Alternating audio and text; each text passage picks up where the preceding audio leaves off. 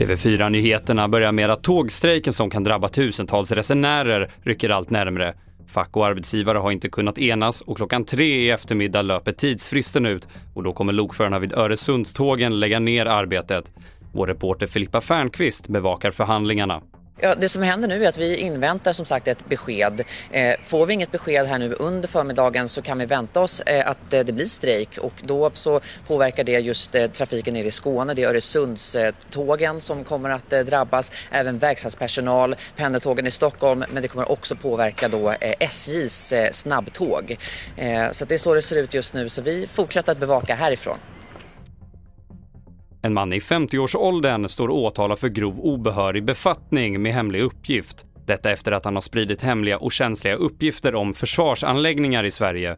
Åklagaren anser att brottet är grovt eftersom att uppgifterna kan påverka Sveriges möjligheter att försvara sig under ett krig och bara var åttonde plastförpackning som svenska hushåll använder återvinns. Nästan allt annat eldas upp. Ja, det visar en granskning som Ekot har gjort. En orsak är att många plastförpackningar slängs i de vanliga soporna och därmed inte kommer till någon återvinningsanläggning. Mer om detta går att läsa på tv4.se. Jag heter Albin Bramstedt.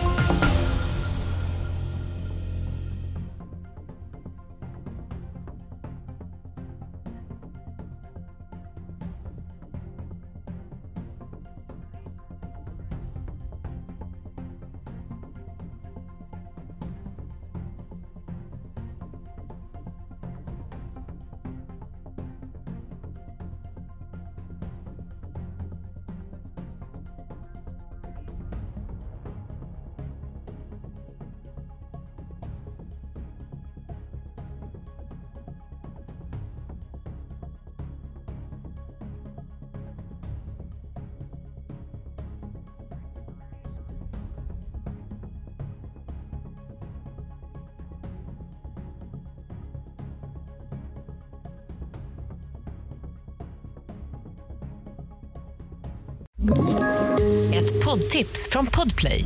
I fallen jag aldrig glömmer djupdyker Hasse Aro i arbetet bakom några av Sveriges mest uppseendeväckande brottsutredningar. Går vi in med hemlig telefonavlyssning och, och då upplever vi att vi får en total förändring av hans beteende. Vad är det som händer nu? Vem är det som läcker?